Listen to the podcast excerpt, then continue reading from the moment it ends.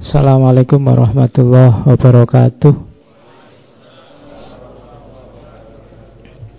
Bismillahirrahmanirrahim. Alhamdulillahirabbil alamin. Assalatu wassalamu ala asyrafil anbiya'i wal mursalin. Sayyidina wa maulana Muhammadin Wa ala alihi wa ashabihi wa man tabi'ahum bi ihsanin ila yaumiddin. Bismillah, kita lanjutkan ngaji kita. Malam hari ini masih ada di Yunani kuno.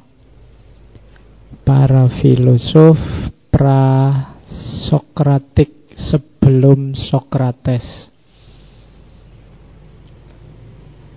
ngaji ini tetap ya sesuai platformnya platform kita platform ngaji platform belajar. Jadi kita ini belajar bersama. Kalau belajar bersama itu mungkin tidak ada relasi guru murid. Kita sama-sama teman belajar saja. Jadi niatnya ditata ngaji ini bukan show jadi Gayanya juga bukan gaya so Jadi santai saja. Dinikmati saja Yang mau selonjor ya selonjor. Mau tiduran juga tidak apa-apa Kalau tempatnya cukup.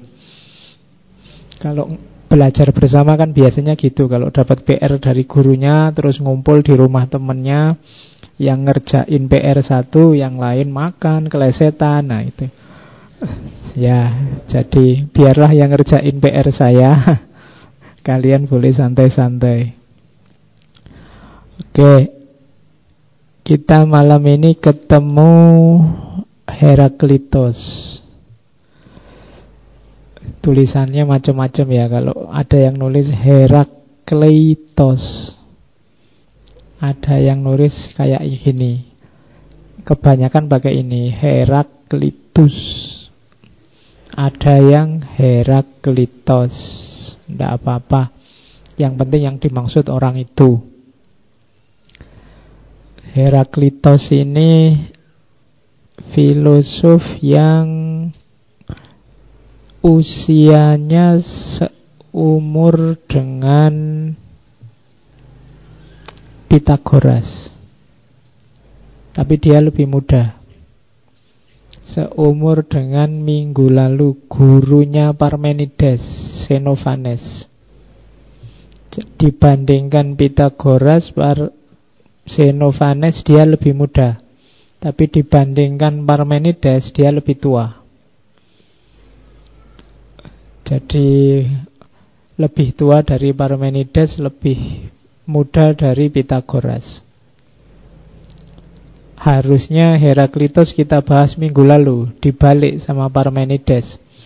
Tapi menurut saya lebih mudah kalau sudah kenal Parmenides dulu. Parmenides itu pikiran-pikirannya membantah Heraklitus sebenarnya. Tapi Parmenides saya angkat dulu karena Heraklitus jauh lebih rumit cara berpikirnya.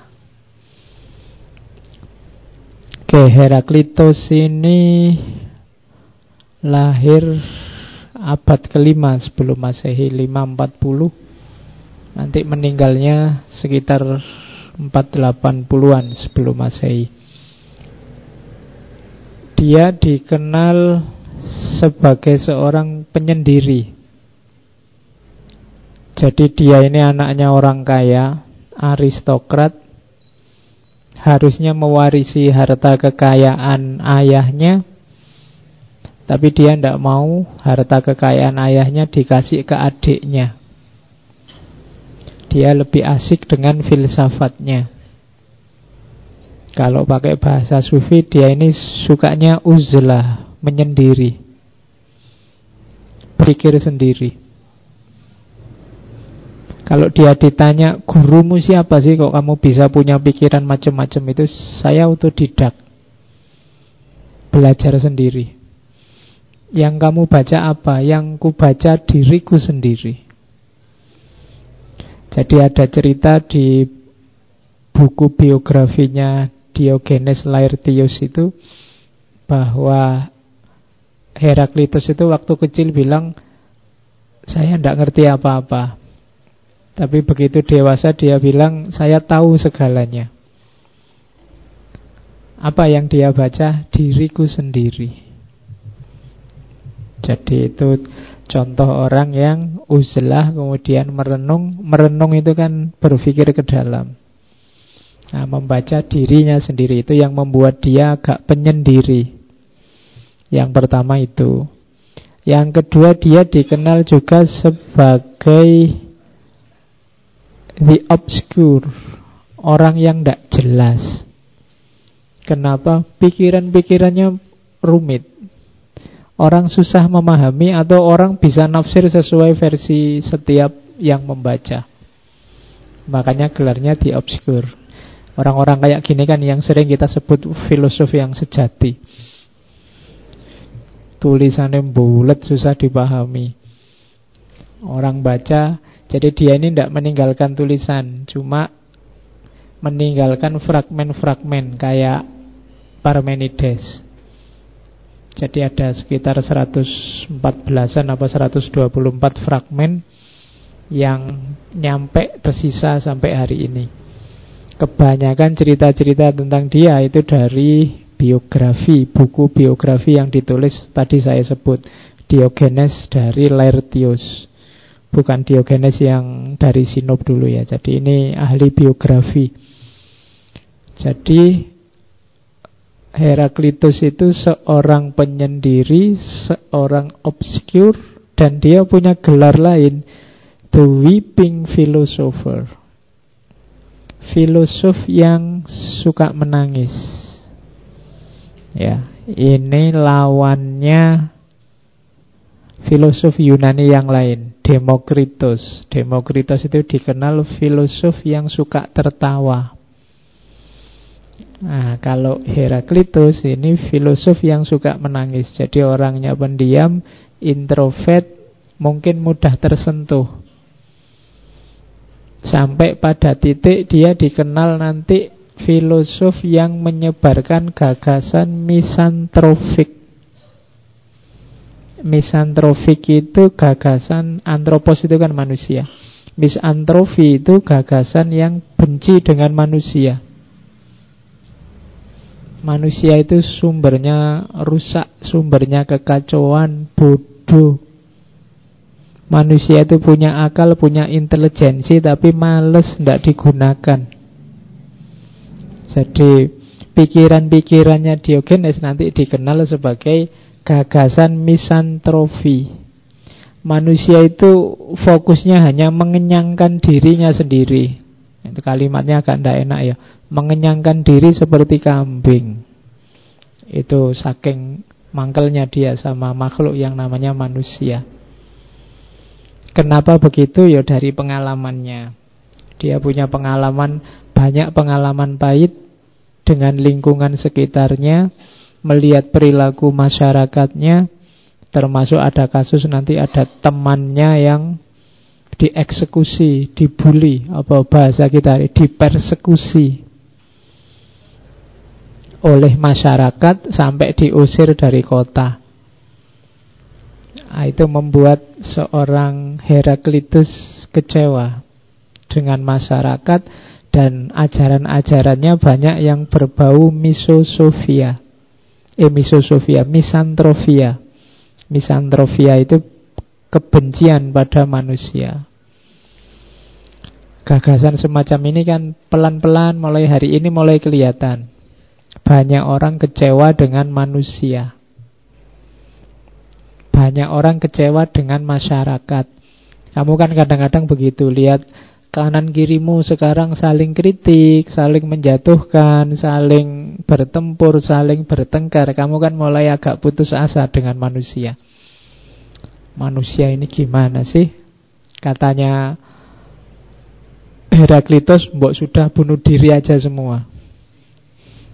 Hidup kok serumit itu Hidup kok bisanya cuma ngerusak-ngerusak Hidup kok tidak ingin damai Ingin kacau terus nah, Itu yang dikecewakan oleh seorang Heraklitus Ah, saya tidak tahu kalian punya gejala ini apa ndak. Seandainya punya ya ndak apa-apa ya, niru filosof. Ya ndak berlebihan. Kalau berlebihan nanti bahaya, kamu ndak bisa hidup. Karena betapapun kita ini makhluk sosial. Kalau kamu bilang semua orang sekarang rusak, ya berarti kamu juga rusak. Wong ya semua orang rusak, kamu kan juga masuk orang. Kalau kamu juga ikut rusak, kamu tidak berhak ngomong yang lain rusak, kamu juga bagian dari yang rusak. Jadi kita bersama rusak. Kalau kamu membenci orang lain, berarti sebenarnya yang kamu benci adalah dirimu sendiri. Karena kamu juga ikut-ikutan rusak. Berarti apa? Perbaiki dirimu sendiri dulu sebelum bilang bahwa semua orang rusak. Sebelum kamu bilang bahwa semua masyarakat Indonesia hari ini itu sudah tidak karu-karuan, kacau, ya kamu juga orang Indonesia, jangan lupa. Berarti apa? Perbaiki dirimu sendiri dulu. Sampai nanti pada titik kamu boleh ngomong semua orang Indonesia itu rusak kecuali aku. Nah, itu baru kamu berhak mencela semua orang. Oke, ini kutukannya Heraklitus pada warga kota Efesus, tempat kelahirannya. Katanya Heraklitus, all the Ephesian from the young men upward should hang themselves and leave the city to the beardless youth. Katanya Heraklitus, wahai orang-orang Efesius, semua orang-orang Efesius yang berusia muda ke atas, berarti yang tua-tua. Orang-orang Efesius yang tua, gantung diri sajalah kalian, biar dunia ini lebih baik. And leave the city, tinggalkan dunia pada anak-anak muda yang. Beardless youth itu anak muda yang jenggotnya belum tumbuh. Maksudnya apa? Ini gara-gara kalian ini dunia rusak ndak karu-karuan. Kalau bahasa kita hari ini kita potong generasi aja lah. Yang tua-tua habis aja semua. Ganti yang muda-muda. Dimulai dari nol kayak di SPBU itu. Mulai nol lagi ayo. Dihapus. Nah, itu kutukannya Heraklitus pada masyarakatnya. Karena dia kecewa luar biasa dengan perilaku masyarakatnya. Mati aja kalian. Itu maksudnya ngono. Saking mangkelnya. Wong yo sudah banyak orang pinter, sudah banyak filosof dengan gagasan-gagasan yang luar biasa, kalian tetap aja begitu. Kalau sekedar nasihat, kalau sekedar pikiran bagus, kalau sekedar kalimat-kalimat bijaksana, kita kan kaya. Kamu mau milih buku seperti apa, kamu mau milih ustadz, milih kiai yang seperti apa, semuanya ada. Tapi kok tidak berubah-berubah Dirimu berarti Ya kuncinya tidak di tuntunannya Tapi di kamunya. Kalau memang tidak bisa berubah Potong generasi saja. Nah, Itu nasihatnya. Kalimat dari Heraklitus. Oke. Terus Ini kalimat sindirannya Heraklitus. Jadi kenapa dia menyebut masyarakatnya sebagai masyarakat yang sakit? Itu kata-katanya. Sebentar.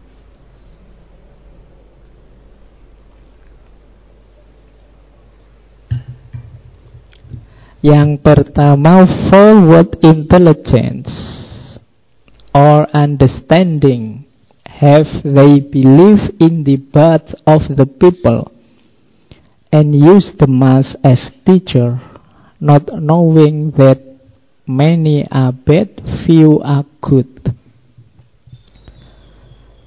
Jadi kecerdasan atau pemahaman macam apa yang mereka miliki, mereka hanya percaya kepada para tokoh masyarakat dan menjadikan masa sebagai guru tanpa tahu bahwa banyak itu jelek, sedikit itu baik. Ini Apa sih penyakitnya masyarakat itu? Katanya Heraklitus. Yang pertama mereka tidak pernah mau berpikir sendiri. Tidak pernah mau menggunakan intelijensinya.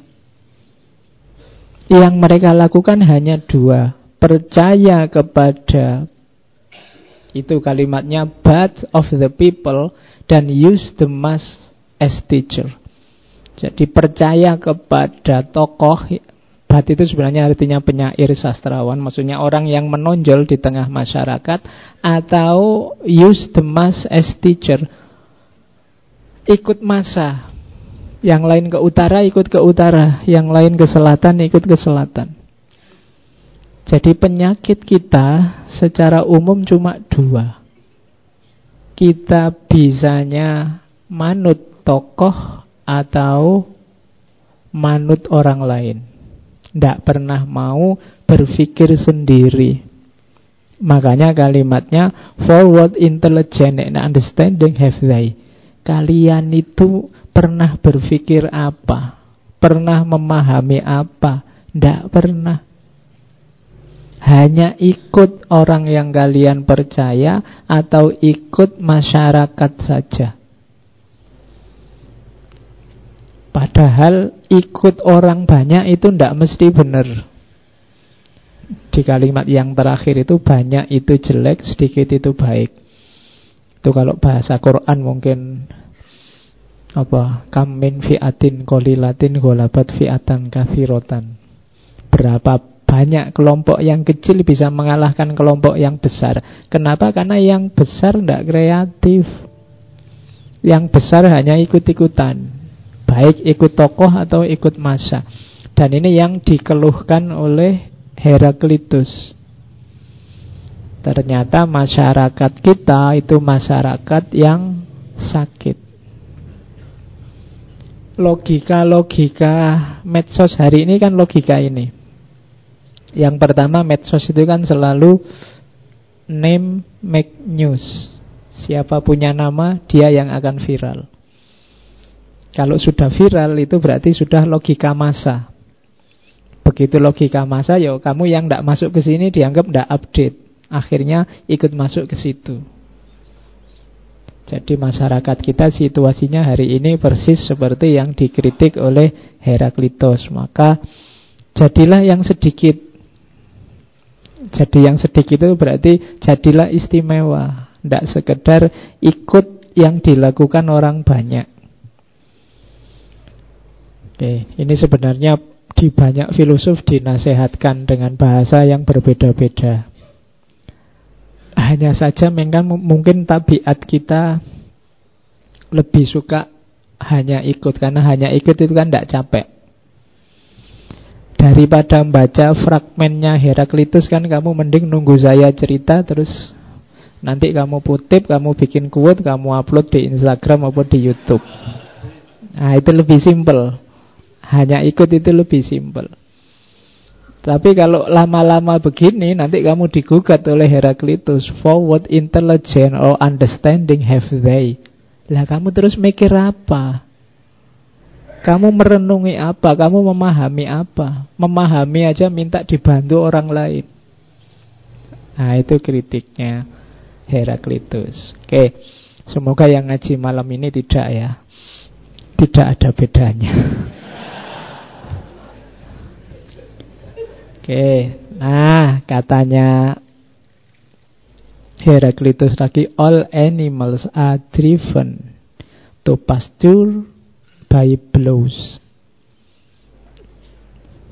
Semua binatang itu harus didorong dulu biar dia bisa masuk ke pastur. Pastur itu padang rumput tapi by blows. By blows itu harus dipukul dulu, harus disentakkan dulu, harus diseret dulu. Bumi ini luar biasa fasilitas yang diberikan yang diberikan oleh Allah bisa kita nikmati. Tapi kita ini males. Sehingga butuh blows, butuh sentakan, butuh pukulan, butuh dorongan. Jadi kenapa bisa begitu kita males? Padahal sudah kelihatan pada rumputnya di depan mata. Fasilitas yang luar biasa sudah ada di depan kita. Kita tinggal menikmati asal mau gerak. Ibaratnya orang makan atau minum di depanmu sudah ada, tinggal minum ini loh. Itu pun nunggu didorong-dorong dulu. Nunggu disuruh-suruh dulu. Kadang-kadang harus dipukuli dulu. Kayak binatang. Binatang itu kan harus didorong dulu, diseret dulu, baru dia kalau sudah di depan mulutnya baru dia mau makan dan mengunyah. Nah, kita ini sering begitu. Kita sudah tahu mana yang baik, mana yang benar, mana yang indah. Tinggal dijalankan, tapi nunggu pukulan dulu. Kalau sudah kepepet mau ke DO baru cepet-cepet baca buku, cepet-cepet nulis, cepet-cepet nunggu dipepet dulu. Kalau sudah sadar, waduh, sudah umur berapa ini, sudah waktunya nikah, baru kamu pontang-panting. Jadi nunggu ada yang mepet baru kita gerak. Itu sebenarnya cirinya orang males dan itu yang dikeluhkan oleh Heraklitus. Apa saja ada. Wong buku sekarang banyak kok. Kalian tahu buku itu kan penting. Isinya juga penting untuk hidupmu. Kamu juga punya di laptopmu banyak, tinggal baca. Tapi kan kalau nggak ada dorongan, nggak terpaksa, nggak dibaca. Entah itu dorongan karena perintahnya dosen atau tugas apa atau baru kamu baca. Jadi penyakit besarnya masyarakat selain tadi bahwa dia hanya ikut-ikutan, apakah itu ikut tokoh atau ikut masa, yang kedua dia butuh pukulan, butuh dorongan. Sekarang kan banyak orang yang hidupnya butuh motivator ya kan? Mau berbuat baik itu butuh motivator. Padahal dia sudah tahu kok mana yang baik, mana yang buruk. Itu pun motivator itu orang yang bukan ngasih materi kan, cuma ngasih dorongan. Biar kamu jalan kan itu tugasnya, memberi motivasi. Dan kita butuh orang lain ternyata untuk mendorong. Itu mirip quote ini, all animals are driven to pasture by blows.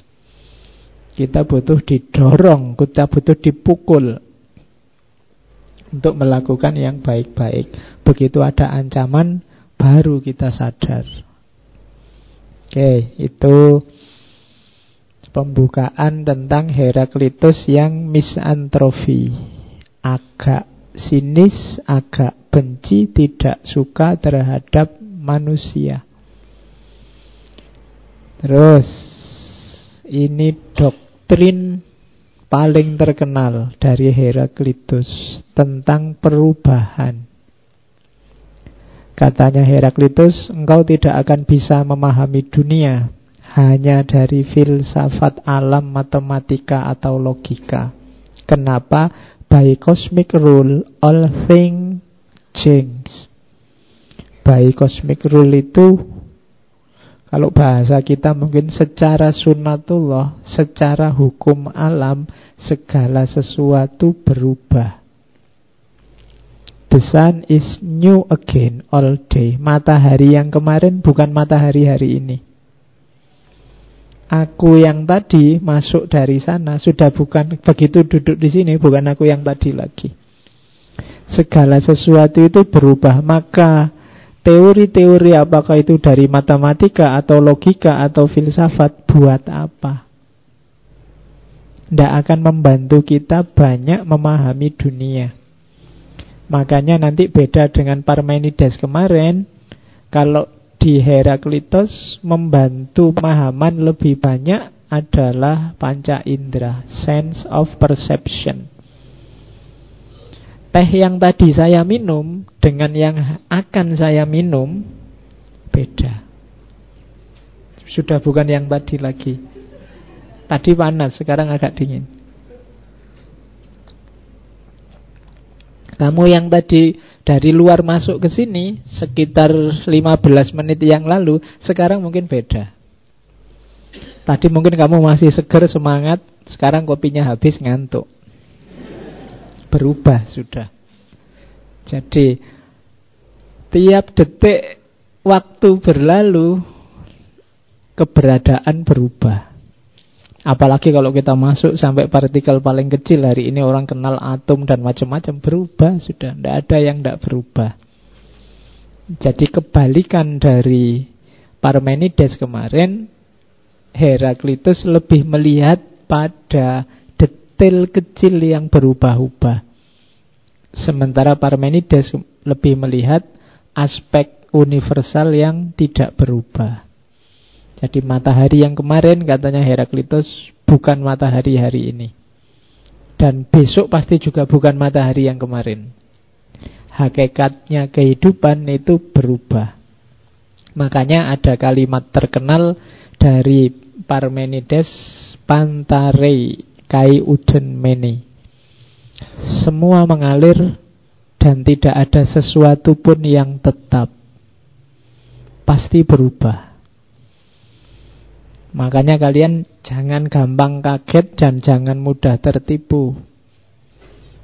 Segalanya berubah, pasti itu. Kalau kamu memimpikan, menghayalkan yang kemarin dan hari ini tetap pasti ndak. Geser dikit-dikit pasti ada lah.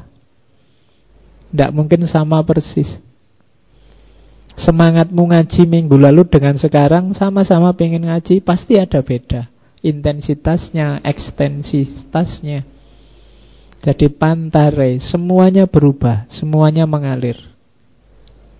The only thing that is constant, that is constant is change. Satu-satunya yang tidak berubah apa? Perubahan. Ya, semuanya berubah. Satu-satunya yang pasti adalah perubahan. Jadi perubahan itu pasti. Berarti apa? Kon, apa kesamaan itu tidak mungkin. Segalanya berubah. Jadi kalau kamu sedang marah atau gegeran sama orang, jangan pakai kalimat kamu sekarang kok berubah ya. Iya. Karena dia bisa jawab pakai Heraklitus. Iya. Loh, segalanya berubah. Satu-satunya yang pasti hanya perubahan. Nah, Pak Presiden kok nggak kayak dulu lagi? Loh, segalanya memang berubah. Kamu protes apa saja, jawabannya gampang kalau pakai Heraklitus. Ya memang segala sesuatu berubah kecuali perubahan itu sendiri. Jadi ini sebenarnya seperti sederhana tapi enak untuk biar kamu tidak gampang galau, tidak gampang terkejut, tidak gampang kecewa. Kekecewaan-kekecewaan kita kan kebanyak, kebanyakan berhubungan dengan perubahan-perubahan. Tadinya kamu ingin apa, yang terjadi apa? Kamu mengharapkan apa, eh berubah sekarang jadi apa? Ah, Diingat-ingat rumusnya pantarai. Semuanya mengalir, semuanya berubah. Karena alam semesta ini kan berjalan secara ruang dan waktu Pasti dinamis. Bahkan it is in changing that we find purpose.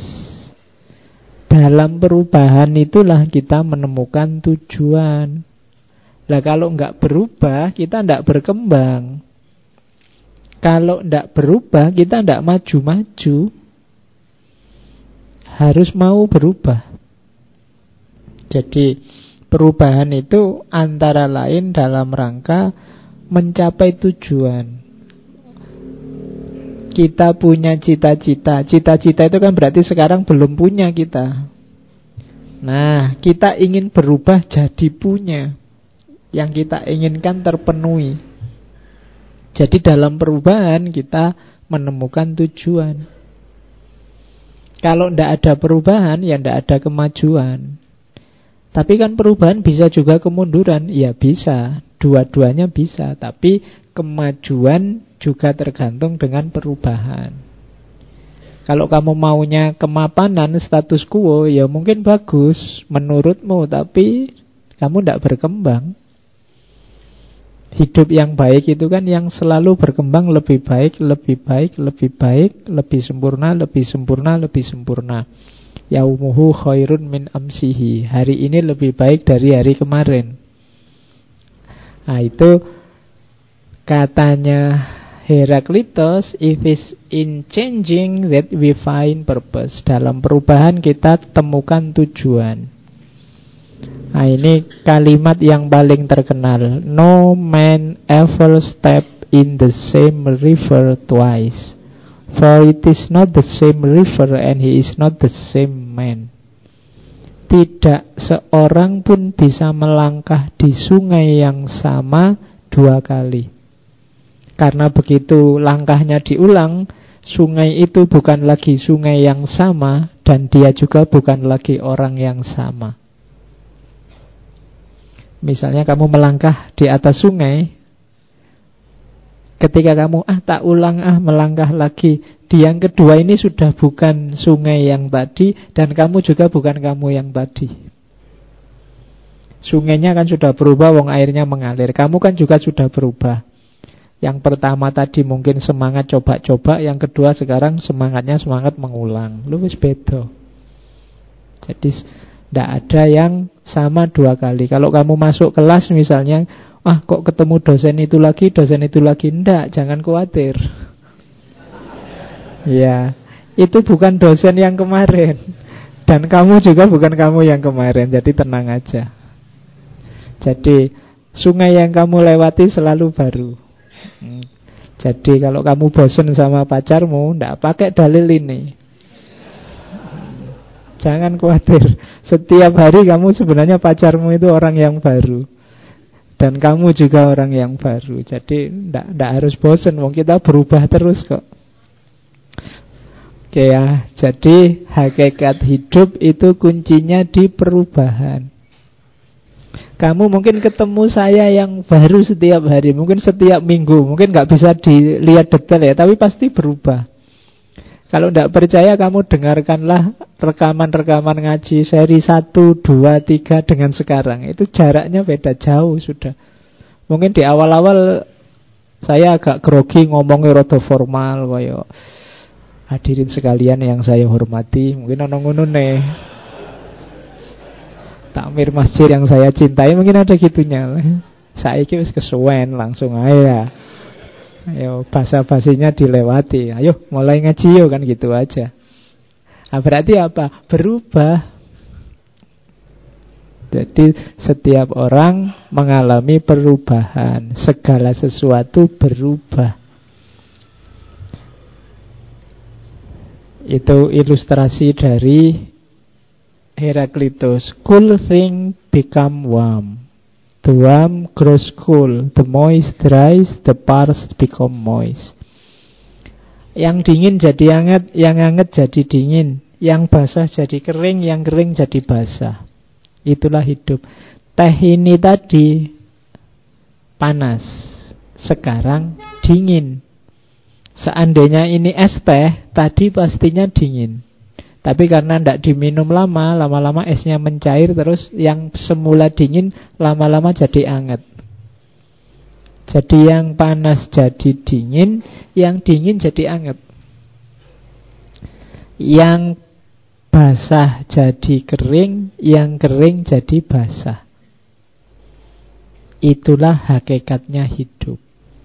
Nanti ini dilanjutkan ke konsepnya tentang oposisi atau kontradiksi.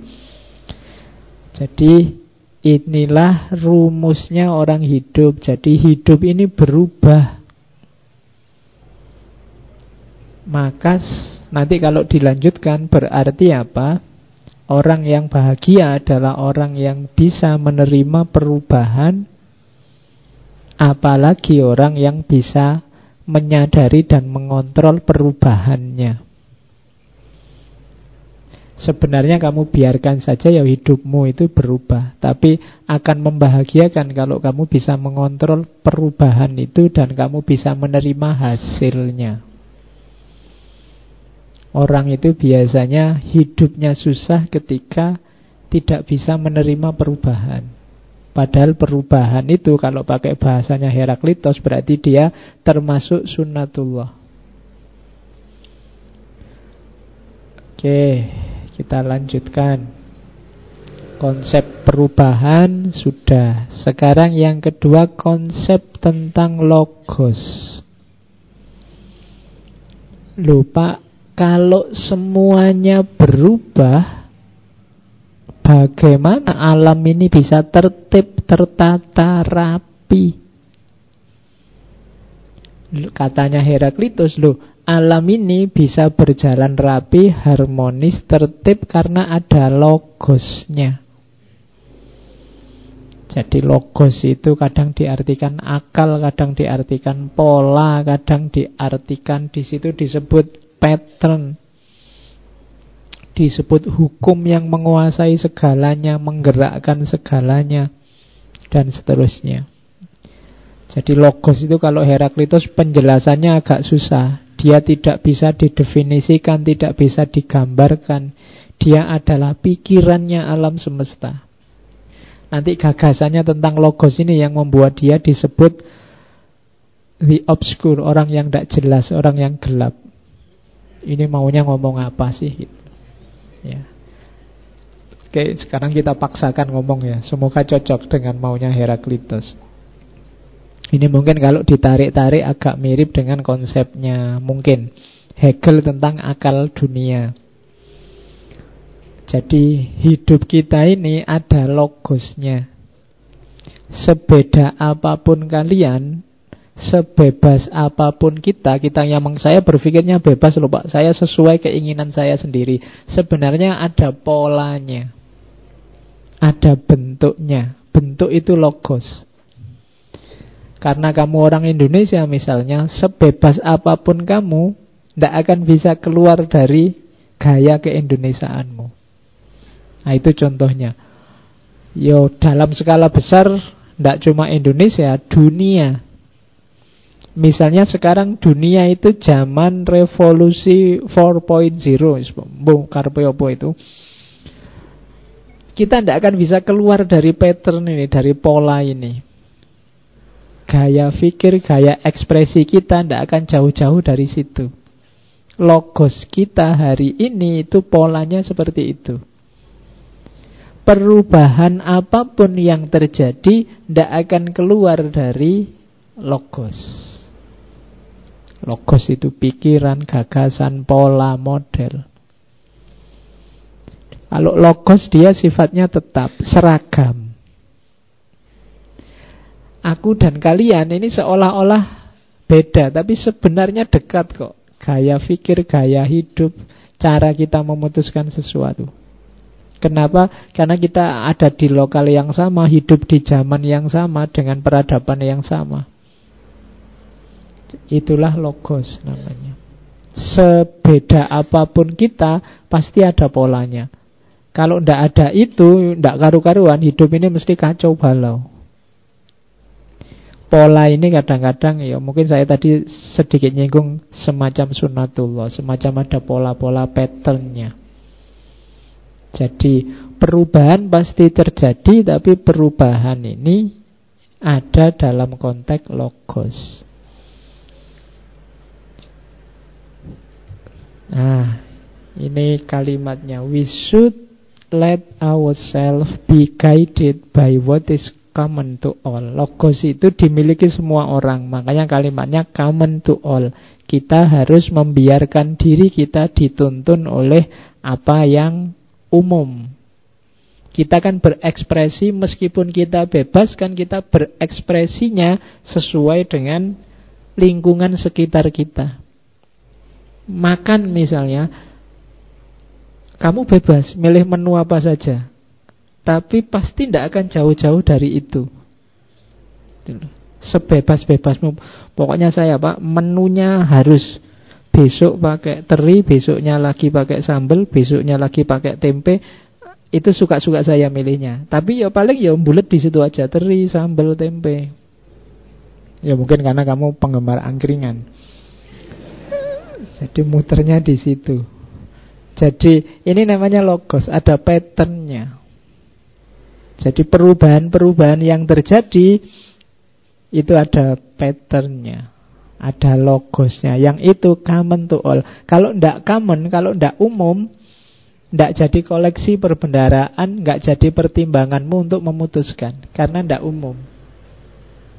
Tidak masuk di kepalamu. Jadi misalnya kalau diputus pacarmu, kamu bisa nyari pacar lagi, kamu bisa kedukun, kamu bisa balik lagi, PDKT lagi. Ini namanya alternatif-alternatif pertimbangan.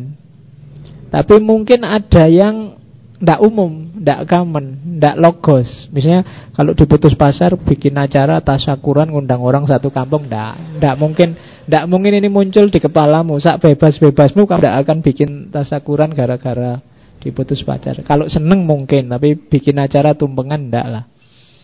Nah, ini tidak logos. Logos itu ada polanya. Berubah seperti apa pun tidak akan keluar dari jaringan logos ini. Yet, although the logos is common to all, most men live as if each of them had a private intelligence of his own. Maksudnya apa? Meskipun ini umum, kita yang memutuskan ini menganggap ini keputusan saya pribadi loh. Saya milih makan pakai tempe itu keputusanku pribadi loh. Nggak ada. Padahal itu sebenarnya ada ya memang alternatif-alternatif logos yang bisa kita ambil ya hanya itu. Model baju misalnya Tahun 60-an dulu 60-70 itu Model baju umum Celana itu model cutbray itu Yang bawahnya besar sekali itu Kucing aja masuk Nah Terus sekarang kamu lihat celana-celana street yang nempel luar biasa itu. Kalau zaman dulu ada orang pakai celana kayak gitu, mungkin diketawain. Kalau ada celana kewotat gitu, apalagi sekarang kan sukanya baju-baju slim fit itu yang kalau kamu ngulet terus udelnya kelihatan. Itu kalau tahun-tahun 60-an mungkin kamu pakai kamu diketawain orang dianggap ini bajunya adiknya kok dipakai. Misalnya. Tapi sekarang biasa. Zaman itu logosnya ndak ndak ada konten itu. Sementara di logos hari ini memang itu. Malah logos hari ini kalau ada pakai cut zaman itu dianggap jadul dianggap wah ini penggemar masa lalu mesti kan gitu oke zaman dulu orang pakai sarung itu biasa zaman mau coba itu kan ya bawahannya kayak sarung yang dilipat itu jadi khas justru pakai celana yang unik hari ini pakai celana itu biasa sarung dianggap unik dianggap begitu kamu sarungan kan wah santri ini kan selalu begitu dianggap khas. Logosnya memang hari ini begitu. Itulah namanya logos. Jadi ada modusnya sendiri. Berpikir zaman itu dan zaman ini. Nah, we should let ourselves be guided by what is common to all. Ya kita ini kalau ingin tidak susah dalam hidup ya pahamilah logos, ikutilah logos. It is wise to hearken not to me but to my word and to confess that all things are one. Adalah bijaksana untuk mendengarkan bukan aku tapi dengarkan kata-kataku dan mengakui bahwa segala sesuatu adalah satu. Nah, ini dasarnya logos itu biasanya kebijaksanaan, kebijaksanaan orang-orang pinter. Dalam logos segala sesuatu itu satu. Oke, saya lanjutkan. Jadi segala sesuatu berubah cuma kendalinya perubahan ini namanya logos.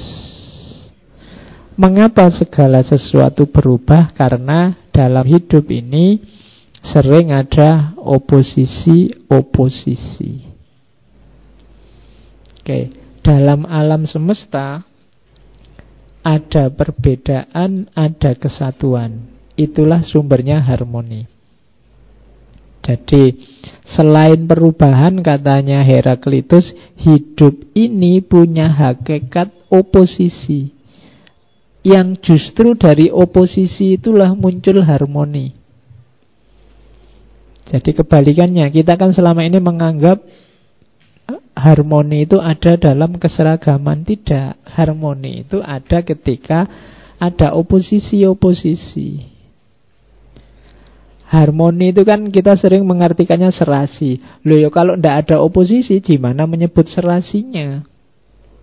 Kalau semua seragam ya tidak bisa disebut harmoni itu kan selaras. Nah, hidup ini isinya oposisi dan harmoni. Ya pertentangan ya kesatuan. Kamu bisa kenyang kalau ada rasa lapar. Kalau tidak ada lapar, tidak ada kenyang. Ada tua karena ada muda. Kalau ada orang kaya berarti ada orang miskin. Jadi ini kan oposisi-oposisi, miskin kaya, presiden rakyat, di situ ada lagi tua muda, besar kecil. Ini kan oposisi-oposisi. Dari situ terbangun harmoni. Kalau semuanya rakyat, semuanya kaya, semuanya muda, tidak akan ada tua. Bahkan muda itu sendiri juga tidak ada. Kalau semuanya rakyat, ya rakyat itu sendiri hakikatnya tidak ada. Kalau semuanya sehat, sehat itu sendiri tidak ada. Karena untuk ada sehat, butuh ada sakit. Jadi itulah oposisi dan harmoni. Maka jangan mengeluh kalau pas lagi sakit. Kalau kita sakit itu menunjukkan bahwa kita ini ya manusia biasa ternyata. Masih bisa sakit. Ternyata kita ini lemah. Tapi hikmahnya banyak kan sakit itu. Betul. Dengan adanya sakit, kita kenal namanya sehat. Kalau tidak ada sakit, tidak ada sehat. Rumah sakit tidak ada gunanya. Apotek buat apa? Fakultas kedokteran ditutup saja. Lah iya kan? Karena ada sakit inilah banyak hal bisa berputar secara harmonis. Jadi antara harmoni dan oposisi. Hidup ini saling melengkapi, dialektis. Ngaji ini ada saya, ada kalian. Ada saya saja nggak jalan, ada kalian saja ya paling ngobrol. Sama-sama mutual, saling melengkapi. Bahkan tidak cuma dua, masih ada takmirnya lagi, butuh masjidnya juga butuh. Jadi hidup ini selain berubah juga saling berlawanan. Cuma dari perlawanan-perlawanan itu muncul harmoni. Jadi seimbang. Kalau ada temanmu jahat, jelek, ya jangan kesusu dimarahi, ya diperbaiki pelan-pelan. Tapi setidaknya dengan jeleknya dia, kebaikanmu jadi muncul. Iya kan? Kalau semua baik, baikmu tidak akan kehitung. Tapi karena ada yang jelek, baikmu jadi kelihatan. Jadi di antara gunanya kegelapan itu apa? Cahaya jadi penting. Kalau tidak ada kegelapan, tidak ada gunanya cahaya. Wong tidak ada kegelapan. Itu harmoni dan oposisi. Oke. Okay. Kalau kemarahan tidak ada, kesabaranmu tidak ada artinya. Jadi kesabaran itu mulia karena ada namanya kemarahan. Dan ini saling mengimbangi, saling harmoni. Inilah logika harmoni dan oposisi. All things yang kedua All things come into being by conflict of opposite. Segala sesuatu muncul karena oposisi-oposisi. Opposition bring concord, out of discord come various harmony. Jadi oposisi itu membawa kenyamanan, kesesuaian, dan diskot. Diskot itu kemelesetan, konflik membawa pada harmoni. Jadi maksudnya apa? Hidup ini dialektis. Kita menghadapi apa, menghasilkan apa. Jadi kita pinginnya belajar tapi juga bebas berpikir, tapi juga ada tuntunannya, ada terus lahir ngaji yang filsafat. Yo ngaji tapi yo filsafat. Itu kan semula orang bingung dengan istilah ini. Ini istilahnya agak oposisi, tapi karena oposisi inilah nanti lahir sesuatu yang baru. Kalau tidak ada oposisi, yo ngaji, yo ngaji saja. Kan banyak yang komentar ngaji itu ya Quran, masuk ngaji filsafat. Lu bener ngaji ya Quran ya ape. Cuma kalau begitu ndak lahir sesuatu yang baru. Lahir sesuatu yang baru itu kalau ada yang oposisi saling didialektikakan. Kamu mungkin tidak jadi bijaksana kalau dapat teman baik terus. Kebijaksanaanmu keluar ketika kamu berdialektika dengan temanmu yang kurang ajar, yang nakal, sakar PDW. Di rumah kamu tidak bijaksana karena di rumah kamu jadi objek nasihatnya orang tuamu. Kamu di, begitu di kos-kosan dapat teman yang nakal, sekarang kamu posisinya jadi yang ngasih nasihat. Mbok kamu itu jangan gini, mbok kamu jangan gitu. Padahal di rumah kamu tiap hari dimarahi kayak gitu sama orang tuamu. Ya kan? Lo itu namanya dialektis. Hidup itu tergantung musuhmu apa, siapa. Makanya cari musuh yang tangguh Biar kamu juga jadi tangguh Kalau kamu males Tidak mau ambil resiko ya Tidak melahirkan hal-hal yang besar Jadi Nothing is stable katanya Heraclitus All is in flux Segalanya cair Whatever you say about anything Its opposite is equally true dalam hidup ini tidak ada yang punya makna eksak stabil. Semuanya cair. Kalau kamu mengucapkan sesuatu, kadang-kadang kebalikannya juga sama-sama benar. Misalnya kalau kamu ke stasiun, sering saya contohkan ya, kamu ke stasiun biasanya kalau bawa barang banyak, itu kan didekati banyak orang yang mau ngangkatkan barangmu. Ah itu enaknya kamu sewa mereka apa tidak? Mungkin kamu jawab, Pak, barang saya sedikit aja ngapain sih nyewa mereka? Kayak bos saja, tak angkat sendiri ya. Yang kamu ucapkan juga benar. Tapi lawan dari itu mungkin juga benar. Barang saya sedikit sih Pak, tapi saya mau biar mereka yang angkat. Kasihan mereka kalau nggak ada yang nyewa mereka, mereka nggak dapat apa-apa seharian ini. Loh, lawannya juga benar.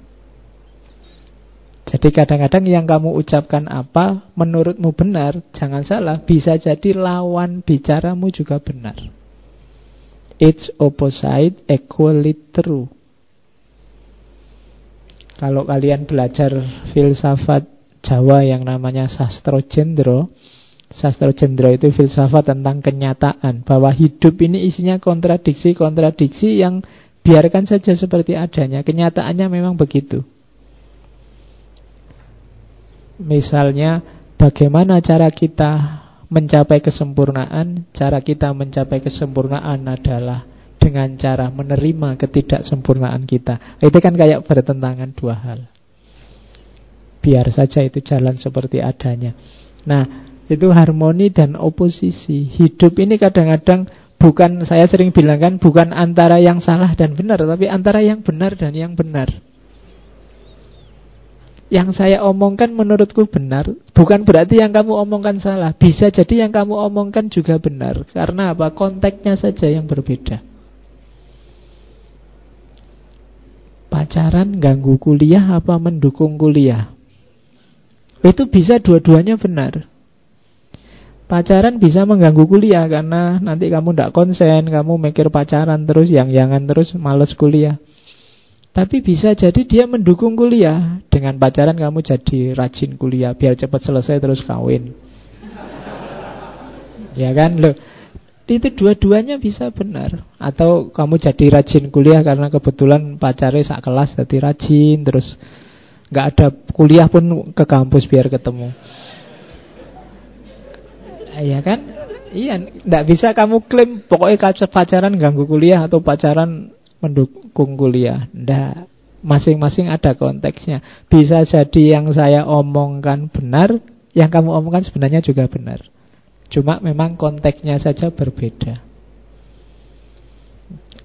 Oke, misalnya ada yang bilang misalnya sepak bola Indonesia ini penuh harapan misalnya. Nah, sementara yang lain bilang sepak bola Indonesia ini tanpa harapan sudah.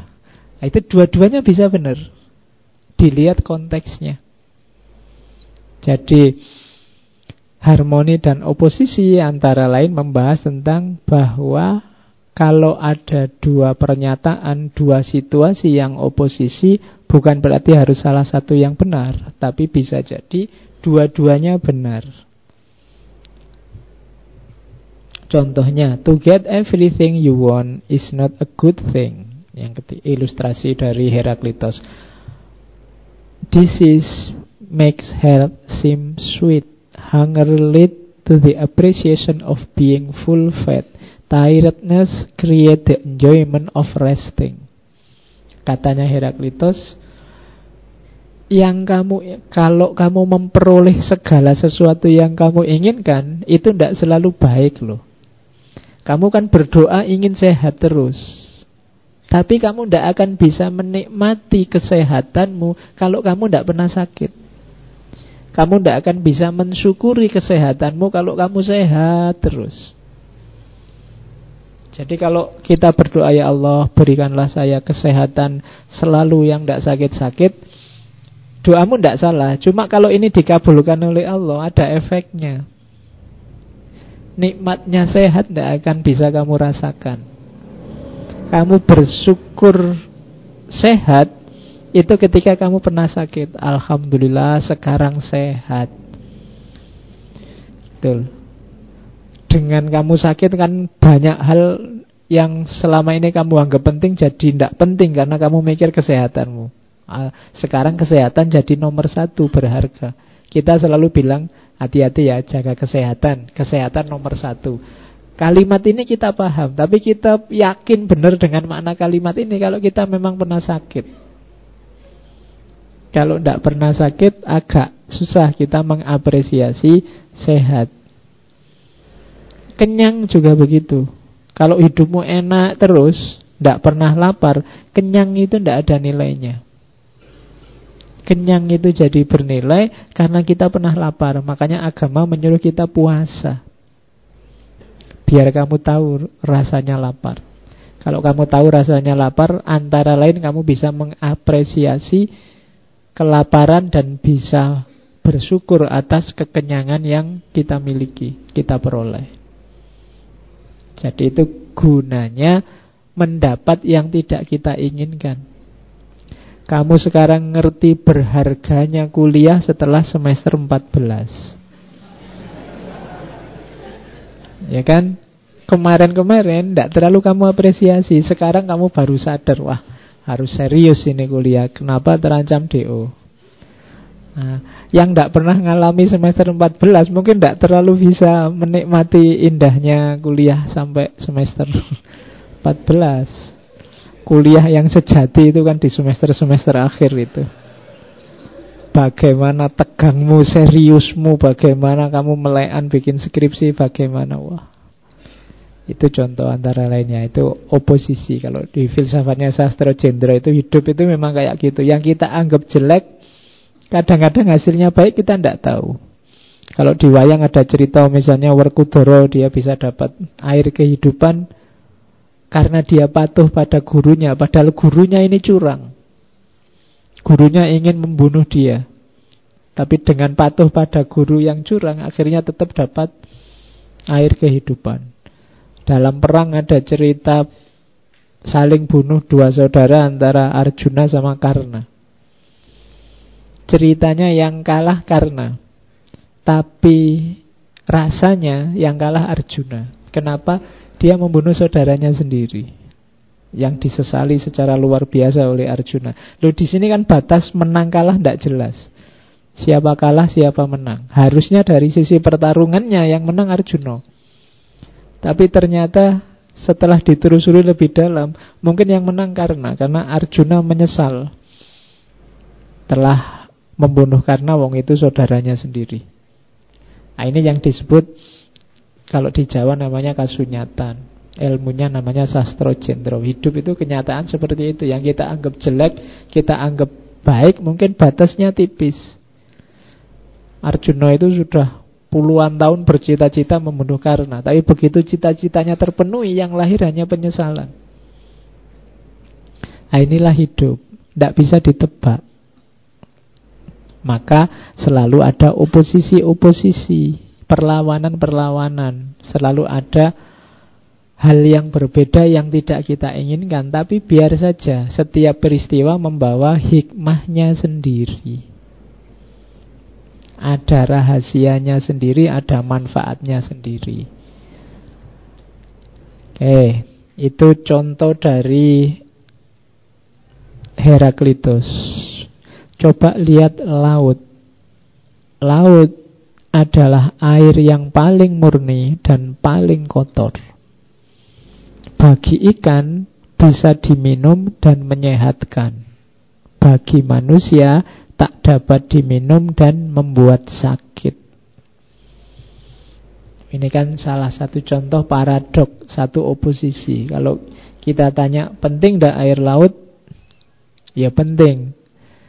Bisa diminum tidak, tapi bagi ikan dia bisa diminum dan menyehatkan. Bagi kita, airnya malah membuat sakit. Kalau nggak percaya boleh dicoba. Ya kan? Kalau ikan sih sehat-sehat saja. Makan air, minum air laut kalau kita tidak bisa. Nah, itu contoh oposisi paradok. Dalam hidup ini banyak yang seperti itu. Kemudian perang. Perang juga sesuatu yang paradok, yang oposisi katanya Heraklitus. Kita kan banyak yang anti perang. Tapi situasi damai hari ini itu pemicunya apa? Perang. Jadi kita kan kalau baca sejarah dunia itu kan dari perang ke perang kan. Belanda tidak kerasan di Indonesia kemudian berunding pulang itu kenapa tidak kerasan? Karena ada perang. Jadi kemerdekaan kita antara lain jasa dari perang. Kalau tidak ada perang dulu kita tidak merdeka. Jadi jangan salah katanya Heraklitus, peranglah yang membuat kita seperti sekarang. Oke, perubahan besar banyak dimulai dari peperangan. Ini kan paradok, oposisi. Padahal selama ini kita anggap perang itu sesuatu yang harus dihindar-hindari. Tapi dalam sejarah justru munculnya kerjasama, munculnya keadilan, munculnya apa tekad untuk damai itu karena ada perang. Ketika orang capek perang terus lahirlah PBB, awalnya dulu LBB, mbok kita damai. Ketika kita saingan terus lahirlah kreativitas-kreativitas. Makanya kadang-kadang kalau ingin cepat maju cara paling gampang cari saingan. Cara paling cepat untuk maju itu cari rival yang kira-kira kekuatannya setanding sama kamu. Misalnya kalau kamu kuliah ya tetapkan musuhmu dia. Saya harus lebih baik IP-nya dari dia. Tapi yang pinter ya, yang bodoh-bodoh aja. Oh itu kamu jadi semangat loh. Jangan salah. Jadi itu gunanya oposisi. Jadi berpikir perlawanan. Dari situ justru muncul harmoni. Makanya Heraklitus mengkritik para anu penyair. The poet was a fool who want no conflict. Para penyair sastrawan itu kritiknya Heraklitus ya. Kok kayak orang bodoh ya? Masa ndak ingin konflik? Justru dari konflik itu kita maju berkembang. Kalau ndak ada konflik Kita ndak maju-maju. Dianggap aman saja. Dianggap nyaman saja. Ndak. Harus ada yang saling bersaing sehingga kamu bisa bergerak untuk maju. Nah, itu sarannya Heraklitos. Jadi kalau kita ingin maju, ayo cari musuh. itu kasarannya ngono. Kalau kamu punya, saya harus melampaui dia. Ya mungkin musuh yang tidak konkret, tidak apa-apalah, apalah yang kamu ingin lampaui. Nah, itu ada pendorongnya bukan anti konflik. Biar saja konflik. Konflik itu kan justru membuat kita dewasa, punya target semakin maju. Maka jangan anti konflik. Hidup ini memang karakternya serba oposisi. Dari oposisi itulah muncul harmoni. Ada siang pasti ada malam, ada lapar pasti ada kenyang, ada kaya pasti ada miskin. Di situlah hidup ini berputar. Oke, nah dari mana oposisi itu muncul? Katanya Heraklitus antara lain oposisi itu lahirnya dari perspektif. Oke, coba dilihat katanya Heraklitus, the handsome ape is ugly compared with humankind. Katanya Heraklitos, monyet yang paling ganteng itu tetap tampaknya lebih jelek kalau dibandingkan dengan manusia. The wisest man appears as an ape when compared with a god. Manusia paling bijaksana akan tampak seperti monyet kalau dibandingkan dengan Tuhan. Seperti monyet tadi maksudnya levelnya. In wisdom, in beauty, and in all other ways.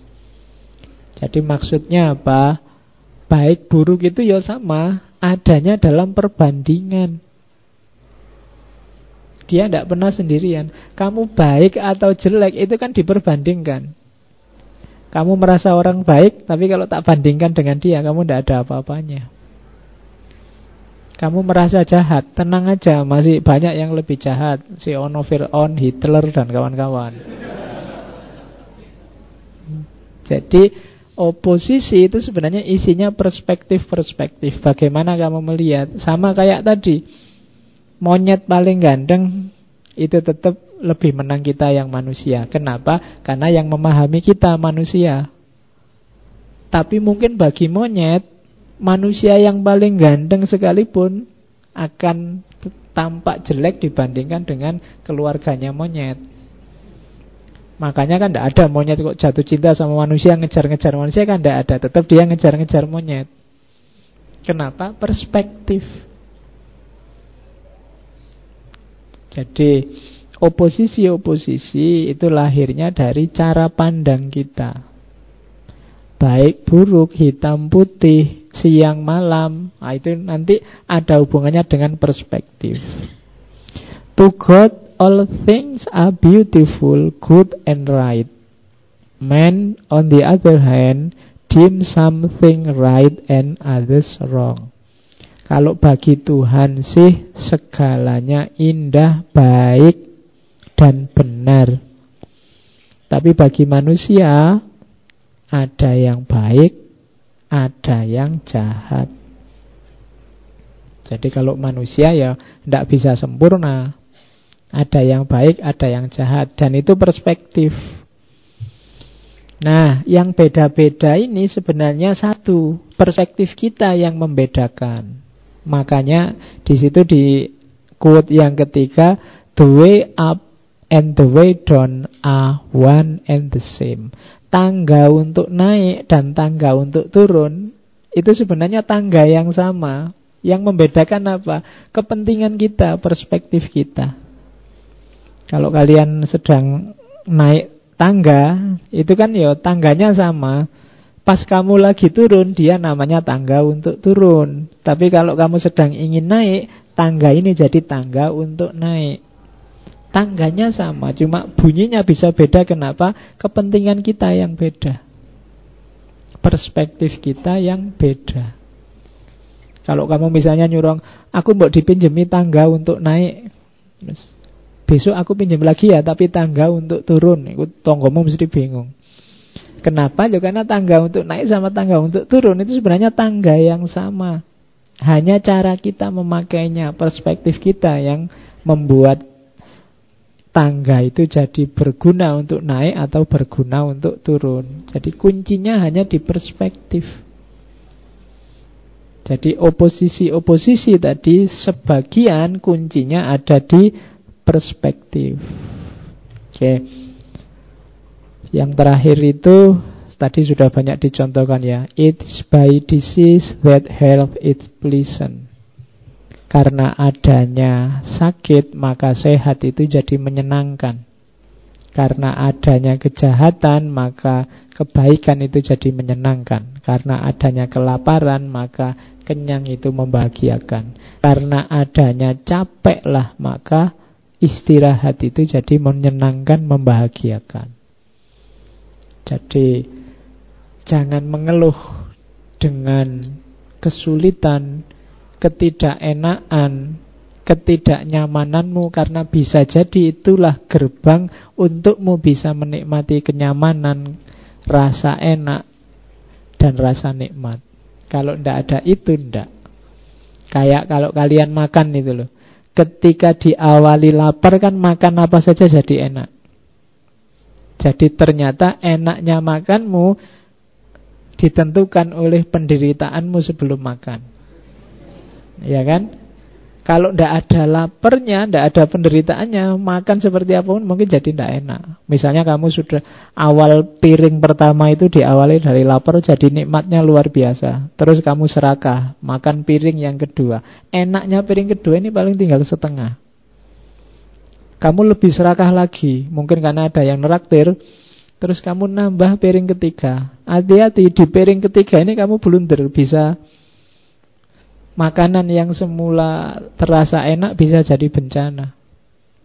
Jadi ternyata kenikmatan itu ada di suapan pertama. Oh ini kamu harus ngatur strategi. Kadang-kadang kalau kamu makan yang paling enak kamu makan awal apa akhir?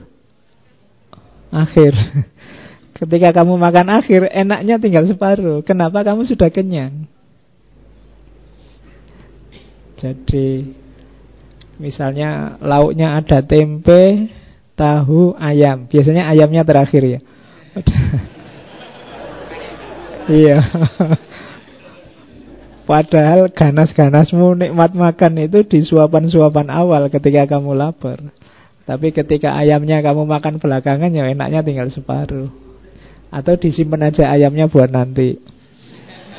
Kalau sudah lapar lagi. Oke, jadi yo makan harus ngatur strategi. Yo meskipun jangan tertipu, nanti dianggap ayam ternyata lengkuas. Kamu sudah mengatur energi biar gongnya enak, ternyata keliru. Oke, itu juga oposisi namanya. Yuk kita lanjutkan. Nah, terus dari teori-teori tadi ada oposisi, ada perubahan. Heraklitus menemukan intinya asal usul alam yang nanti disebut archi itu dia menyebutnya api. Tapi harap dipahami api di sini bukan tidak letterlek api seperti yang kita kenal.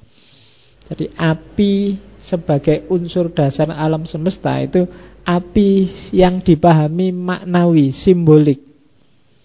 Kenapa? Karena api ini simbol perubahan. Kalau air kan simbol pertumbuhan, lahirnya kehidupan yang baru. Nah, api ini simbol perubahan. Untuk berubah itu kan butuh penghancuran yang lama sehingga lahir yang baru. Dan peran menghancurkan yang lama melahirkan yang baru itu yang bisa melakukan adalah api. Kalau tadi hakikatnya hidup adalah perubahan, maka peran pengubah dalam alam semesta itu adalah api. Jadi api itu bisa jadi apa saja. Bisa jadi asap, bisa jadi uap, bisa jadi air kalau ada proses kondensasi.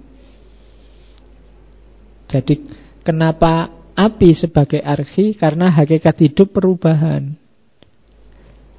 Nah, apa hubungannya perubahan dengan api? Api adalah simbol segala perubahan.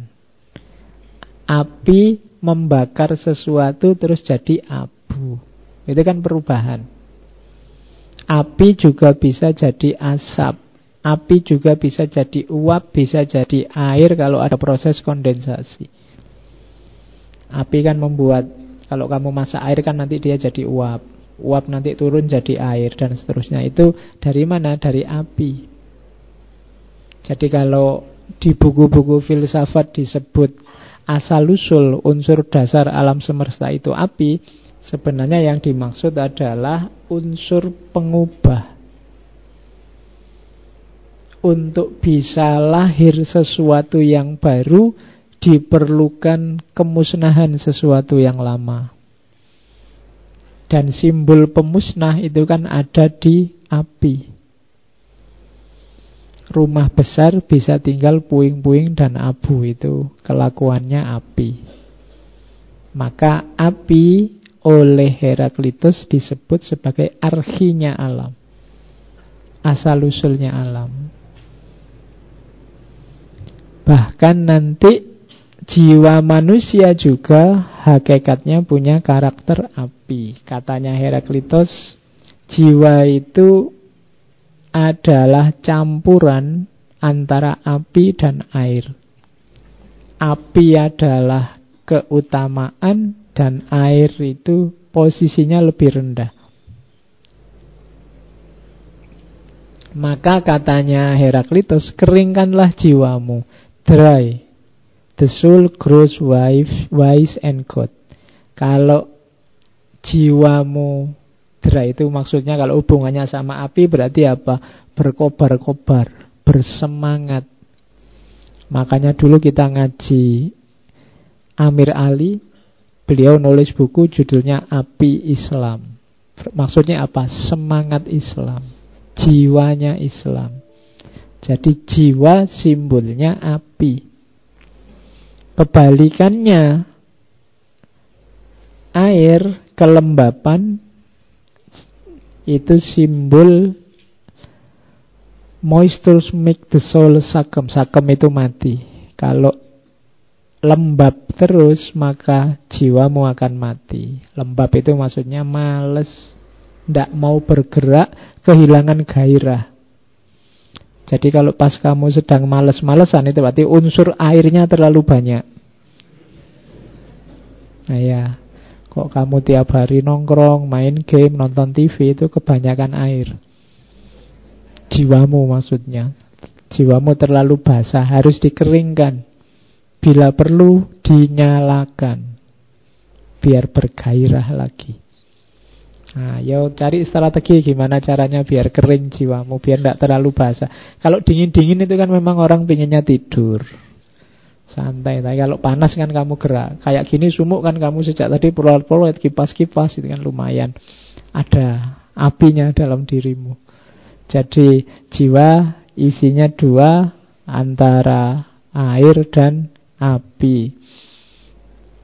Nah, sekarang kita masuk Teori-teori utamanya sudah tadi tentang api, tentang perubahan, tentang oposisi dan yang lain-lain yang di depan.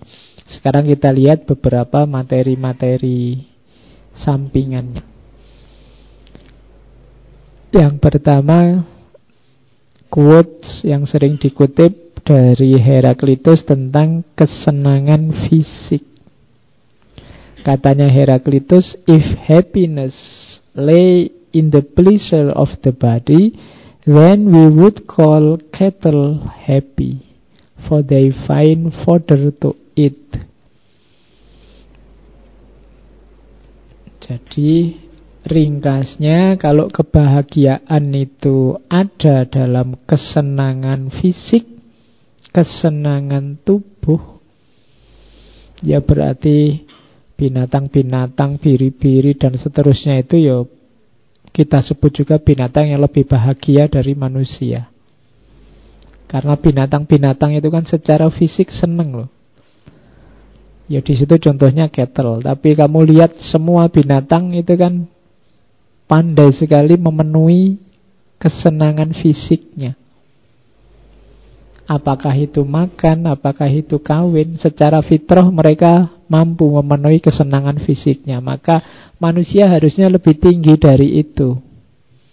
Kalau hanya mengejar kesenangan fisik, bisa makan, bisa minum, bisa kawin, bisa pokoknya yang fisik-fisik, berarti level kita masih level binatang atau jangan-jangan binatang lebih bahagia dari kita.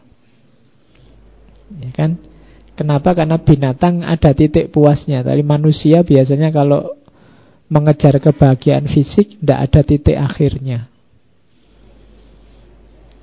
Mbok sudah punya pasangan cakep, masih ingin yang lebih cakep lagi. Tidak ada titik akhirnya. Sudah makan enak, masih ingin nambah lebih enak lagi. Nah, itu kelemahannya manusia yang hanya fokus pada kesenangan fisik.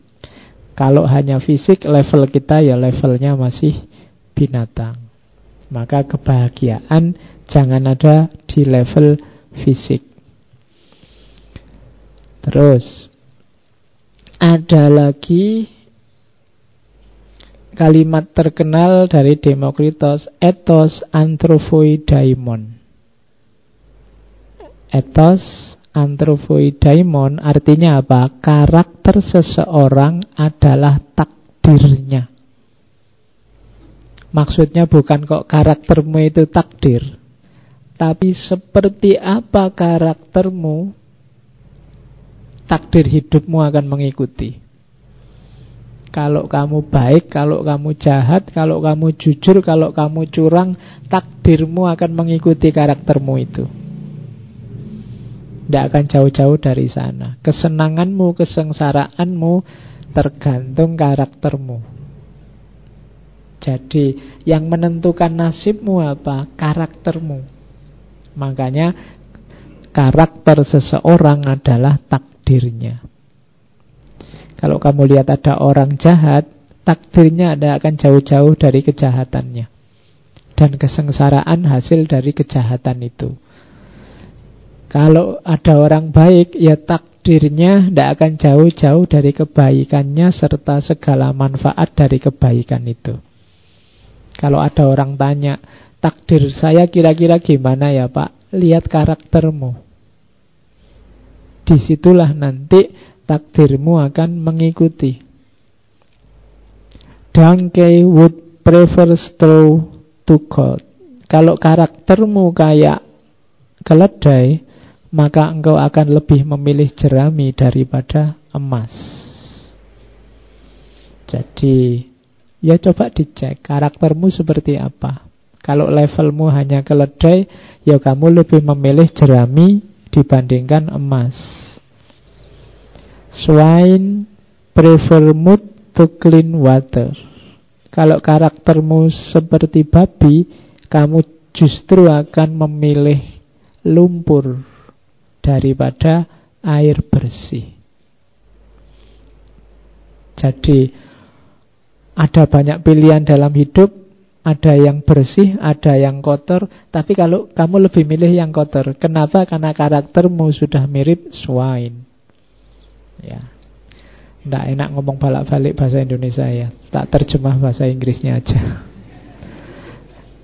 Dasar swine. Kalau gitu kan kamu tidak tersinggung. Ya, jadi kalau lebih milih kekotoran berarti kamu milih swine. Kalau kamu membuang yang berharga, milih yang tidak berharga, kamu mirip donkey. Terus, kalau ini pigs. Pigs was themselves in mood, both in dust or us. Kalau kamu pigs, ayo, yo sedulure atasnya tadi.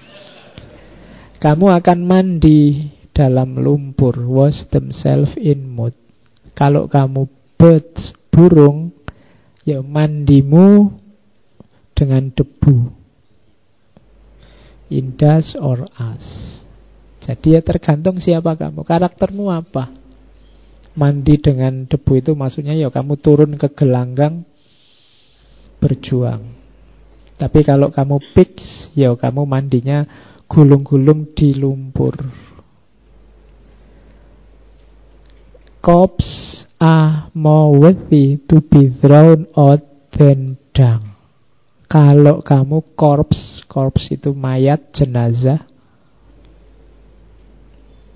dia lebih layak untuk berarti kamu hidup tapi gayamu kayak orang mati. Tidak ngapa-ngapain, tidak produktif, tidak menghasilkan apa-apa, maka kamu worthy to be thrown out than dung. Dung itu kotoran. Jadi kalau kamu kayak mayat, maka kamu lebih layak dibuang daripada kotoran. Ya kotoran nggak bisa ngapa-ngapain. Kamu kan masih bisa ngapa-ngapain. Tapi gayamu kayak korps. Kayak korps itu ndak mau aktif, ndak mau macem-macem, ndak mau gerak. Apa-apa minta dilayani. Mandi minta dimandiin. Kekuburan minta diantarkan. ya kan? Itu kan korps. Kalau gayamu seperti itu, kamu lebih layak dibuang daripada kotoran. Kotoran dikit-dikit masih ada manfaatnya. Tapi kalau kamu sudah tidak ada manfaatnya bikin susah lagi. Ah, itu korps. Jadi rumusnya yang atas tadi etos antropoi diamond. Karakter seseorang adalah takdirnya. Kalau karaktermu dangke, kamu akan lebih milih jerami daripada emas. Kalau karaktermu swine, kamu akan lebih milih lumpur daripada air bersih. Kalau karaktermu pigs, kamu akan lebih suka mandi dalam lumpur. Atau kalau kamu burung, kamu akan bergulung dalam debu. Dan kalau kamu seperti mayat, kamu lebih layak dibuang daripada kotoran. Nah, jadi berarti apa? Ya bangunlah karaktermu yang bagus. Gimana caranya? Good character is not formed in a week or a month. It is created little by little, day by day. Protracted and patient effort is need to develop good character. Karakter yang baik tidak terbentuk seminggu atau sebulan. Namun tercipta sedikit demi sedikit hari demi hari. Proses panjang dan kesabaran dibutuhkan untuk membentuk karakter yang baik. Jadi, kalau kalian ingin jadi orang baik, jangan nunggu besok. Besok saja lah Pak kalau sudah dapat hidayah. Kalau kamu sudah tahu yang baik, bentuklah dirimu mulai sekarang. Karena dia tidak bisa instan. Dia harus dibiasakan pelan-pelan. Kalau instan, biasanya ya hangat-hangat ayam, sekarang semangat, besok hilang. Kalau lagi semangat, lagi agak tobat-tobat gimana gitu. Saya ingin puasa pak, besok sholat tahajud pak, poson dawud pak, macam-macam pas tobat, tapi terus kumat lagi. Kenapa tidak jadi karakter? Untuk jadi karakter ditanamkan pelan-pelan. Sedikit demi sedikit nanti melekat. Kalau sudah jadi karakter itu dia keluar dengan sendirinya, tidak harus dipaksa, tidak harus dipatok, tidak harus didorong-dorong, sudah otomatis. Karena kalau sudah jadi karakter itu, kamu tidak begitu, tidak enak yang karakternya jujur, bohong ndak enak. Yang karakternya amanah, curang ndak enak. Kebalikannya, yang biasanya bohong, kok jujur, orang kaget. Rasanya kok aneh ya? Ada yang aneh nih. Oh, kamu jujur sekarang kan gitu. Karena biasanya bohong. Ah, itu karakter. Jadi bangunlah pelan-pelan. Tadi kan karakter itu membentuk takdirmu. Kalau ingin takdirmu baik ya karaktermu harus baik. Tapi dibangun pelan-pelan. Karena harus dibangun pelan-pelan, harus dimulai sekarang. Jangan nunggu besok. Kalau nunggu besok ya nggak jadi-jadi. Apalagi kamu nunggu hidayah. Itu alasanmu saja untuk padahal kamu males saja. Hidayah itu kan petunjuk. Petunjuk itu biar kamu tahu mana yang benar, mana yang tidak. Lah kamu sudah tahu. Nunggu apa lagi? Kecuali kamu belum tahu masih bingung gimana terus ya Allah mbok beri saya hidayah harus milih yang mana itu baru. Tapi kalau sudah jelas yang baik mana kan kamu tidak perlu nunggu hidayah. Tinggal kamu biasakan dirimu di situ. Oke. Ini karakter. Nah, sekarang kita gali lagi tentang wisdom. Oke, ambil nafas dulu sebentar. Materinya banyak hari ini.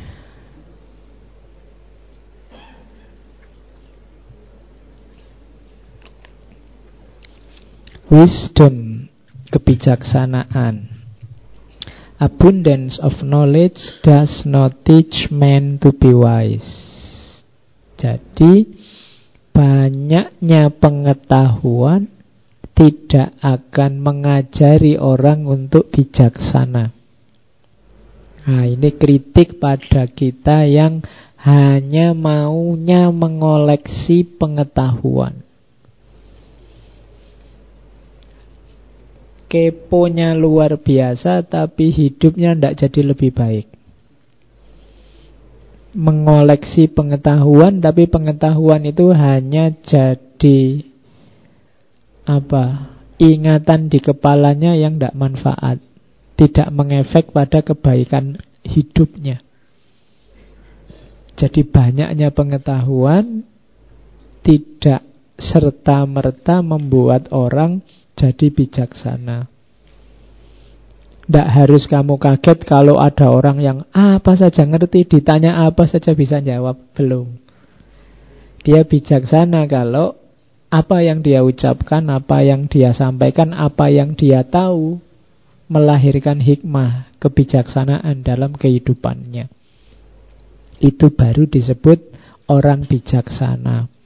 Kalau hanya tahu saja belum disebut bijaksana.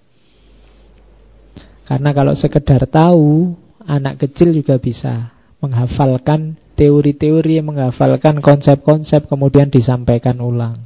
Oke, jadi tidak sekedar tahu. Yang kedua, those who love wisdom must investigate many things. Orang yang cinta kebijaksanaan berarti para filosof itu bukan orang yang hanya ikut saja. Apa yang ada di sekelilingnya tapi juga investigate. Dia meneliti. Dia juga menyelami banyak hal. Jadi filosof itu tidak cuma membaca dari luar tapi juga menyelami ke dalam jadi those who love wisdom must investigate many things. Harus menginvestigasi banyak hal. Oke, okay, oh itu sama. Di bawah juga ada those who love wisdom must investigate many things. Apa yang dilakukan applicant for wisdom do what I have done. Orang yang menjalankan kebijaksanaan pasti melakukan apa yang sudah aku lakukan. Apa yang aku lakukan? inquire within. Apa yang diinvestigasi pertama-tama? Menginvestigasi diri sendiri. Membaca, menyelami diri kita sendiri. Hasilnya apa? Itu kalimat terakhir. People ought to know themselves. Orang harus tahu tentang dirinya. Tapi pada akhirnya yang akan dia simpulkan adalah I am as I am not. Aku ternyata bukan aku. Jadi kalau kita menyelami diri, ketemunya biasanya aku yang bukan aku. Kenapa? Karena kita itu biasanya menganggap diri kita itu bla bla bla bla, tapi begitu kita selami ternyata tidak begitu. Jadi I am as I am not. Oh ini termasuk oposisi tadi. Jadi ternyata aku itu bukan aku. Kamu menganggap dirimu bijaksana, kamu menganggap dirimu mahasiswa yang tekun, yang rajin, prospek ke depan cerah. Itu begitu kamu selami dirimu, ternyata tidak begitu pak. Baru sadar saya. Ternyata saya selama ini kegeeran pak, tak anggap aku itu penting gitu. Ternyata sama sekali tidak. Tak anggap teman-teman itu kalau muji-muji saya itu benar-benar muji, ternyata basa basi Tiap ketemu kok bilangnya, wah tambah ganteng aja. Ternyata bahasa basi pak. Saya baru sadar sekarang. Nah, itu I am as I am not. Dari mana kesimpulan itu muncul? Inquire within tadi kita menelaah ke dalam diri. Dan itulah yang dilakukan seorang filosof yang love wisdom. Yang tidak sekedar mengoleksi pengetahuan. Jadi jangan cuma mengoleksi pengetahuan tapi bacalah. Apa yang dibaca dirimu sendiri. Kalau sudah membaca diri, apa yang ditemukan? I am as I am not. Ternyata aku ini bukan aku. Oh, itu maknanya luas sebenarnya. I am as I am not. Kalau masuk ke dunia sufi nanti jadi beda lagi. I am as I am not itu. Jadi ternyata Aku ini bukan aku. Aku yang dulu bukan aku yang sekarang. Ya, lagumu kan itu. Terus dilanjutkan tentang kebijaksanaan lagi. Dog bark at what they don't understand. Ah, ini nyindir luar biasa anjing itu menggonggong pada apa yang tidak mereka mengerti. Berarti apa? Orang itu semakin banyak ngomong menunjukkan dia tidak paham. Kalau sudah paham ya diem. Biasanya begitu. Jadi kalau orang sibuk bahas sesuatu apalagi sambil menyalah-nyalahkan yang lain tentang sesuatu itu, biasanya dia belum paham. Belum yakin benar dengan pandangannya. Dog bark at what they don't understand. Jadi anjing itu kan begitu. Kalau ada orang lewat yang dia tidak tahu, dia curiga kan terus dia menggonggong. Pada apa yang tidak dia paham. Makanya kalian ayo dikurangi menggonggongnya. Ya, jadi kenapa yang menunjukkan kita belum paham. Jadi jangan terlalu banyak menggonggong. Kita sibuknya pada yang tidak kita pahami. Oke, nasihat yang selanjutnya, it's not too late to seek a new world. Masih belum terlambat untuk mencari dunia yang baru. Hidup ini hakikatnya perubahan. Kekurangan kita banyak, ya pasti. Ayo kita perbaiki, kita bangun dunia yang baru. Masih belum terlambat. Tidak ada kata terlambat. Kita untuk membangun dunia yang baru. Meskipun pemilu sudah selesai, menteri sudah dipilih, tidak apa-apa. Sudah yang jalan biar jalan, kita bangun dunia yang baru. Dan yang terakhir, kuncinya untuk bisa membangun dunia yang baru apa? Kesadaran. Kenapa kesadaran? Karena other men are unaware of what they do when they are awake, just as they are forgetful of what they do when they are asleep. Banyak orang tidak sadar apa yang mereka lakukan saat sadar sebagaimana mereka lupa apa yang mereka lakukan saat tidur. Hidup kita ternyata sering tidak sadar. Tidak sadar itu berarti melakukan sesuatu tanpa pertimbangan-pertimbangan, tanpa disadari. Biasanya ini karena rutinitas-rutinitas, karena tekanan masyarakat sekitar macam-macam yang kita jalan begitu saja tidak reflektif tanpa ada kesadaran. Maka kalau kita tidak sadar ya kita susah membangun dunia yang baru. Jadi Syarat pertama kesadaran. Pengetahuan saja belum cukup, harus ada kesadaran. Dan jangan banyak teriak, belajar saja yang banyak. Kenapa jangan banyak teriak? Karena banyak teriak menunjukkan kita belum paham. Kenapa? Karena silent is healing. Ketenangan itu menyembuhkan. Kediaman itu menyembuhkan, healing. Jadi carilah momen-momen silent untuk menyembuhkan jiwa kita. Ambillah waktu sebentar untuk tenang. Hidup kita ini ramenya luar biasa. Kamu sendirian pun kadang-kadang juga rame pikiran kita ini macam-macam. Sudah mau tidur, itu di pikiran kita masih ributnya luar biasa. Besok mau apa saja, bangun jam berapa, enaknya berangkat ke kampus pada waktunya, apa ditelatin aja 10-10 menit, apa pokoknya rame terus pikiranmu. Yuk ambil momen untuk silent. Karena silent healing, menyembuhkan jiwamu, menyembuhkan fisikmu. Dalam sehari ambillah ketenangan barang 5-10 menit sudah lumayan. Seperempat jam kalau bisa setengah jam syukur-syukur. Ada yang ngambil model meditasi Ada yang ngambil model sholat Ada yang monggo lah. Ambil momen untuk silent Biar healing. Nah ini sarannya Heraklitus. Biar 24 jam hidup kita isinya tidak ribut terus rame terus.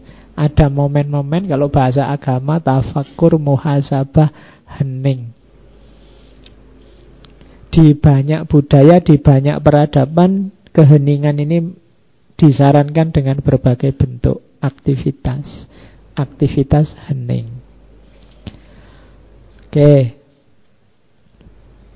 Oh ini tadi sama. Mass learning does not teach understanding. Kalau ini tadi melanjutkan pengetahuan tadi ya. Banyak belajar tidak berarti membuat orang paham. Banyak yang kayak tadi hanya mengoleksi pengetahuan saja. Jadi urutannya memang belajar dari belajar terus jadi tahu pengetahuan dari tahu terus jadi paham. Kalau paham berarti sudah mendalam. Setelah itu sadar. Sadar ini prasyarat awal untuk melahirkan tindakan. Baru setelah tindakan kita tinggal menunggu hasil dan manfaatnya. Jadi belajar, tahu, paham, sadar, dan dijalankan urutannya itu. Kalau tidak begitu nanti katanya Al-Quran kaburo maktan. Kamu hanya ngomong. Ngaji filsafat sampai 200 sekian, kamu ada di level mana? Belajar, tahu, paham, sadar, apa tindakan? Apa masih belajar saja Pak? Tahu saja belum, saya tidak paham-paham sejak dulu misalnya. Ya tidak apa-apa, harus berusaha untuk naik kelas. Kalau sudah tahu nanti naik kelas didalami paham.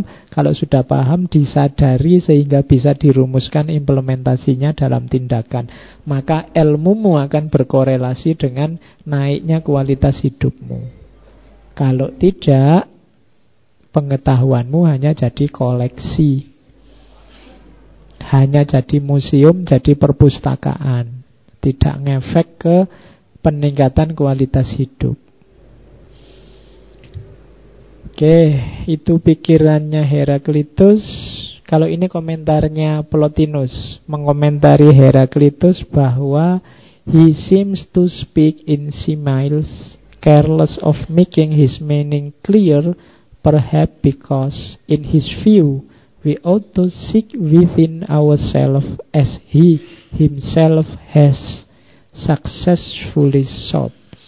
Katanya Plotinus, Heraklitus ini memang mungkin tampaknya bicara secara metafor samar-samar, makanya dia disebut yang tidak jelas tadi. Careless of making his meaning clear, tidak serius, tidak hati-hati untuk ngomong yang jelas, mungkin karena menurut dia kita harus mencari dalam diri kita sendiri. Kalau ngomongnya sangat jelas, kamu langsung paham, paling mbok hafalkan tidak pakai mikir. Tapi memang oleh Heraklitus dibikin agak rumit biar kamu mencari sendiri. Tidak hanya ikut-ikutan. Sebagaimana dia sendiri sudah melakukannya dengan sukses. Ketika sudah melakukan dengan sukses kayak saya bilang tadi mungkin dia akhirnya asik dengan filsafatnya sampai semua hartanya dikasih ke adiknya. Karena ilmu itu nikmat. Kalau sudah kenal nikmatnya ilmu yang lain-lain jadi tidak penting. Itu antara lain yang dilakukan oleh Heraklitus meskipun dia kelihatan agak melankolis, mudah menangis, weeping filosofi karena sangat prihatin melihat masyarakatnya. Itulah seorang Heraklitus dan ini cerita dari Diogenes. Akhir hidupnya Heraklitus itu agak kasihan, jadi dia sakit, kemudian sakit demam, Kemudian dia beristihad sendiri. Saat sakit dia datang ke kandangnya sapi. Kemudian ceritanya mengubur dirinya dengan kotorannya sapi. Dengan asumsi panasnya kotoran sapi ini nanti bisa menyembuhkan demamnya. Tapi ternyata bablas. Ya.